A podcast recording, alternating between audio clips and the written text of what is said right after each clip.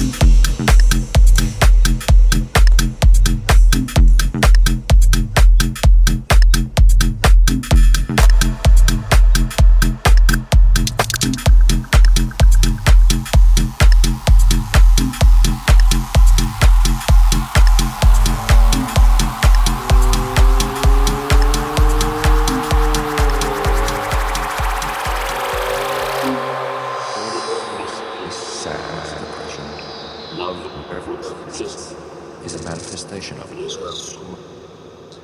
Logic, reason, and all aspects of the material universe.